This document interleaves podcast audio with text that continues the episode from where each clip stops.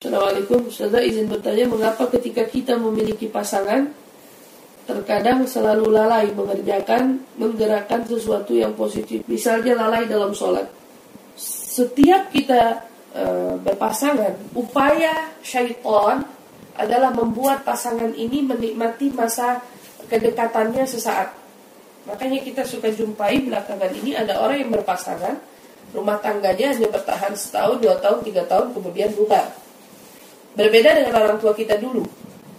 Atau mungkin yang kita harapkan, kita semua berharap berharap dalam menikah satu kali seumur hidup. Sudah sampai wafat, ini adalah jodoh saya. Gak ada lagi gantinya. Tapi syaitan maunya berbeda. Dengan cara apa syaitan? Dengan cara kita malas mengerjakan ibadah bersama dengan pasangan.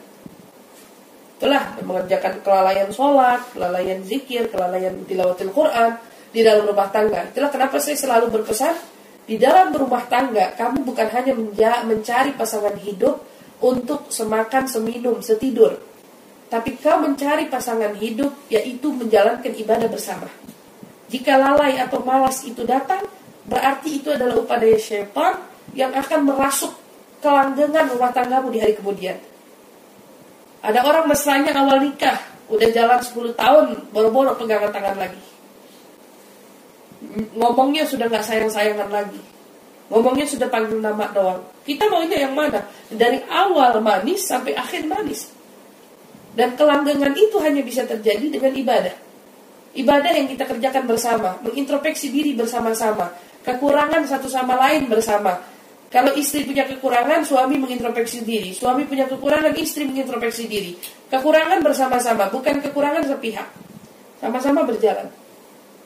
Maka kenapa itu? Kenapa alasannya? Pasangan selalu mengalami masa itu karena setan maunya begitu. Setan paling sedih melihat pasangan menikah. Kenapa dia nikah? Kenapa dia nggak maksiat aja? Kenapa dia nggak zina aja? Nah, naudzubillah min dalik. Nah, di sini pada saat pernikahan itu telah terlaksana, rumah tangga itu sedang terjalin, sedang mau dibina, jangan sampai bangunan itu dihancurkan satu persatu dengan iblis lain yang mengacaukan kita dalam mengerjakan ibadah, terutama sholat. Ya, bagi pasangan suami istri, sisihkan waktu dalam satu hari meskipun hanya satu waktu dari lima waktu sholat untuk sholat berjamaah bersama dengan pasangan. Itu minimal. Mudah-mudahan bisa kita tunaikan. Baik,